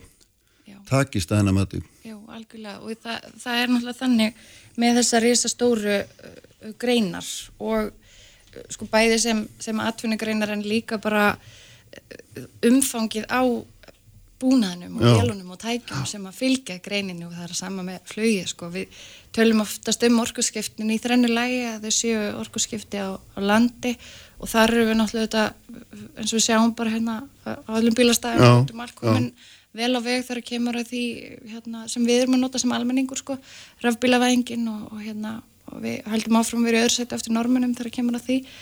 Og eh, en síðan sko ef við færum okkur aðeins ofar í, í stærri aðfangakæðjur og, og stærri hérna losunar aðla þá erum við komin í flutning á landi. Og þar er sko þar er einhvern veginn tæknin ekki endilega til staðar en hún er henni fleitir rætt fram. Mm. Og, eh, og, og við munum örgulega sjá sko strömmkvar verða þar fljótlega. Um, síðan þegar við komum á, á, á sjó þá er einhvern veginn miklu lengra í það bæði bara því að líftími, líftími búnaðarins er svo gríðilega mikill og, hérna, og, og, og það er hægara sagt en gert að skipta um mjölar í einu, einu hérna, stórun tógara þannig að hérna, það, er, það, það er svona það umhverfi sem að þarf einhvern veginn að ebla þegar að kemur að, að þróun og nýsköpun og kvötum og stuðningi. Þú, þú nefndir að séri hefur verið hérna hjá okkur nýlega. Þau eru náttúrulega fremst í flokki þegar kemur að framlega metanól, já. það er einn af þessum kostum sem að verða mögulega ofan á þegar, hérna, þegar við förum inn í orkusskiptinni hérna, uh, á sjó. Og, og svo er það náttúrulega síðast en alls ekki síst þá er það flugið. Og, og, og það, eru, það er líka náttúrulega svolítið í það en við erum samt komin með yfirlýsingar um hérna, þróunaverkefni innanlands í innanlandsflugi sem Æslandi er að fara í og Æslandi er líka að fara að vinna með, með landsverkjunni að þróa einhvers konar umhverfisveitna eldsneiti sem að vonandi verður hægt að nýta bara fyrir en síðar. Já, í alþjóðlegu sammingi líka. En framleysla metanóli kostar líka Jú. kallar á miklu orku. Jú. það þarf að ná í hann einhver staðar og, og hafa hann til reyðu og þar eftir sem eru skilist hefur það hefur hérna framlist að því strandað aldrei mikið, mm -hmm. mikið þar, þannig að þetta er, hérna, þetta er svona mikið jafnvægis list Já, hvernig þetta er gert allt saman og hérna, mann þarf að viðkjanna það, Já. það þarf að sækja orku, ekki sett? Jú, það, hérna, það þarf að gera það og við þurfum að svolítið að forgangsra því uh, náttúrulega fyrir hvað við sækjum orkun okkar og, uh, og gera það í, í sátt samlendi við samfélag og náttúru og, og passa að hafa það alltaf að leiðaljósa því að sko þessi stærstu verkefni í loslinsmálunum framöndan eru orkurskiptin mm. og eða svona þessar leikil stóðir eru uh, orkurskiptin sem við þurfum að fara í gegnum en við þurfum líka að fara í loslastengta nýsköpun og við þurfum að einhver leiti að fara í endurskoðun á, á hagkerfun okkur og, og, og skapa loftslags vætna hagkerfi mm. og það þarf ekki að vera neikvægt, það getur leitt af sér uh, nýjar atvinningreinar, við séum bara að kólefnisföngun og förgun er að verða atvinningrein mm. á, á Íslandi og, og víðar, þannig að það er það er held ég, það eru eh, til þess að þess að hljóma kannski of klísikend en það eru þetta bara fjölmörk ekki fara í Ísvelli. Og, hérna, og bara já, virkilega spennandi framöndan, við þurfum að gera það með sjálfbærni að leiðarljósi og, og vera, vera skynsum En það er náttúrulega eitt í þessu líka sem er mjög áhugavert þess mér allavega og það er auðvitað það að þetta er auðvitað alþjóðlegt. Mm -hmm. í þeim skilningi að Íslandingar til dæmis get ekki gert skipin sín umhverfisvæn og silt svo og selt fisk í hull ef það er ekki hægt að fá samskonu eldniti þar en þetta verður alltaf að vera til alltaf báðum stöðum ekki satt? Og þetta snýst líka um samkjöfnishefni af því að ennþá er þetta mjög dýrt. Mm -hmm og það þýðir það að þú þurft að fá meira fyrir örna í samkjöfni um einhvern annan ekstra annar staðar, ekki það? Ég meina þetta lítur að vera hluta því sem atvinnulífi er að velta fyrir sér hvernig, hver á að borga brúsan? Já, akkurat, og hvað verður ofan á Já. í alþjóðlegu samhengi sko og út í hinnum stóra heimi og þess vegna er náttúrulega uh, aldrei of oft sagt að hvort sem við erum að tala um það hérna innanlands samstarf millir atvinnulífs og stjórnvalda og mhm. samfélagsins í heild eða bara samstarf þvert á landamæri þá hérna þá skiptir það útrúlega miklu máli að vera í virku samtali við uh, greinarnar og, og hérna, stjórnvöld og, og aðra hagsmenn alveg hvort sem eru framlegendur þá eða aðri sem eru Mm. erlendis þar sem að hérna, við, við vitum alveg loslas uh, markmiðin og loslasmálin og, og hérna, loslasbreytingar eða sér engin landamæri og, og þess vegna hérna, þarf þetta allt saman að, haldast í hendur það sem að framfer hér eins og segir Já. og erlendis hvort sem að það er til að dragu losun í sjárútvegi eða flugi eða, eða hverju öðru sem er sko. Mm. maður sér í þessum vegvísi ykkar loftlas hérna, vegvísi atvinnulífsins að það er auðvitað eins og svo ofta áður mjög mikið verið að tala um hvata hérna, sveigjanleiki, regluverki og svona, þetta, er, þetta er mantra sem er búið að tala um daldi lengi og oft og mikið og öll þessi fyrirtæki sem hafa komið hinga undan við hafa mikið talað um þetta líka gengur þetta hægt? Já og nei það, um, það eru náttúrulega það eru auðvitað einhverjir kvatar til staðar það eru, Mm. hafa verið settir kvatar uh, þegar kemur að bílavæðingunni um, en það vantar síðan, vantar síðan kannski fylgjaði eftir á starri skala og það er kannski stóra verkefnið og, og, og vandamálið og einhvern veginn áskorunin Mm. að uh, finna út úr því uh, hvernig það er gert sérstaklega á meðan að það er líka alltaf að tala um tækni hlutleysi til dæmis. Já. ekki hægt að taka eh, endilega afstöðu hvort að vettni verði ofan á eða metanól eða blanda eða eitthvað annað, skilur mig. Þannig að hérna uh, og síðan eru auðvitað verkefni sko eins og, eins og fór á stað í, í fyrra uh, grænir yngarðar og grænir dreigilin þar sem að hugmyndin er uh, meðal annars að um, kortleggja eða koma auga á tækifær sem félast í að nýta efnaströyma frá öðrum fyrirtækjum eins og í rauninni bara uh, auðlendakarraunni upp á helliseiði eða Já. jarðhita- eh, út, út og jarðhættikarraunni upp á helliseiði uh, og viðar um, og í því samhengi, sérst, í því verkefni þá var emmitt sko regluverki svolítið skoðað hvaða hindranir eru til staðar hvaða kvatar væru gagleir og, og það, afurðnar út því voru ímiskonur og, og þannig að það eru alveg einhverjir k- kvatar í, í pípunum Mhm. hvað það var þar sko. Mm. Ég er að, hérna, ég veit ekki, kannski aðstæðanlega spurning og allt stóra, en sko, hérna, þið ætli að tala um það á, ykkar ásfundi sem núna þrjúdægin, hvaða leiðir eru færi allir að ná markmiðum okkur um að verða kolum slutlaus og laus við jarðnesnitina, hvers konar samfélag verður þetta? Það er veltið fyrir ykkur. Já, þetta er náttúrulega gríðlega stór spurning og svarið aldrei, aldrei örglega ekki að sama aftur á, næsta árið, næsta mánuði en hérna, en alltaf gott að, gott að geta séð, séð aðeins fyrir sér framtíðina. Um, sko, við viljum náttúrulega verða óháð jarðarnælsniti og við sjáum það líka bara eins og heimurinn er í dag. Hvernig, hvernig það getur orðið eh, enn mikilvægur að setja Mm. hlutin ekkert í allt annað samhengi fyrir okkur. Um, við hefum líka sett okkur einmitt eins og segir markmiðum kólefnis hlutleysi og það felur í sér að, að eh, lágmarka losun þar sem hægt er að gera það og draga úr henni eða koma í veg fyrir lágmark og draga úr og jafna út það sem eftir stendur og um, þannig að uh, framtíðin 2040 hún allavega lítur þannig út að við höfum náð þessu markmiði Já. við höfum uh, skapað eitthvað neginn vettvang fyrir miklu umhverfisvætni samgöngur. E- e- miklu betra loft uh, lífanlegra umhverfi fyrir alla. Um, nýjar atvinnugreinar eins og ég nefndi áðan sko. Og auðvitað held ég bara f- fyrirmynd og, og hérna og uh, já, fyrirmynd fyrir önnur samfélag Mm. held ég. Og ég held, við höfum alla börðið til þess. Við höfum ákveð fórskott að kemur að því að, að nýta endurnjálega orku hér á Íslandi og, og að uh, standa okkur vel í því og höfum, okkur hefur gengið vel að miðla þeim lausnum á arlendri grundu. Uh, við eigum 15% eftir til þess að hérna, öll okkar frumorkun útkun verði endurnjálega og það eru orkuskiptin þó að Já. 15% sé lítið þá er þetta gríðlega stort verkefni en við höfum höfum alla burði til þess að, að ná þessum 15% og setja þannig gott fordæmi Mm. fyrir aðrar þjóðir sem að geta hort til okkar og, og, hérna, og nýtt okkar sérfræðþekkingu og, og, og lausnir og, og við miðlað Mm. Og í orði hvaðina að minnstu kosti eru stjórnvöld og atvinnulíf algjörlega samstigað þessu. Það held ég, ég held að hérna, það, það, það er ákveðin bil á milli sem þarf að brúa, eins og segir, það er, það er ó, ólíkur hraði á, á, hérna, á aðlum. Uh, hraðin verður auðvitað að vera áfram í aðtullífnum þannig að lausninnar getur orðið til og þróast og, og þroskast til, til framtíðar. En, uh, og, en uh, ég held að með ríkistjórnin og stjórnveld sem við höfum núna og uh, stjórnast áttmálan og þessa aukna áherslöknin líka í samfélaginu á uh, að uh, við þurfum ekkert að kvíða mm. lofslagsváni, við höfum laustinnar, við höfum hugvitið sem að fólk er nú týrætt um að sé okkar helsta og sterkasta öllund núna og það er ég algjörlega samála þannig að hérna, þetta snýst held ég miklu meira um að hend, rinda af stað samhendu átaki -huh.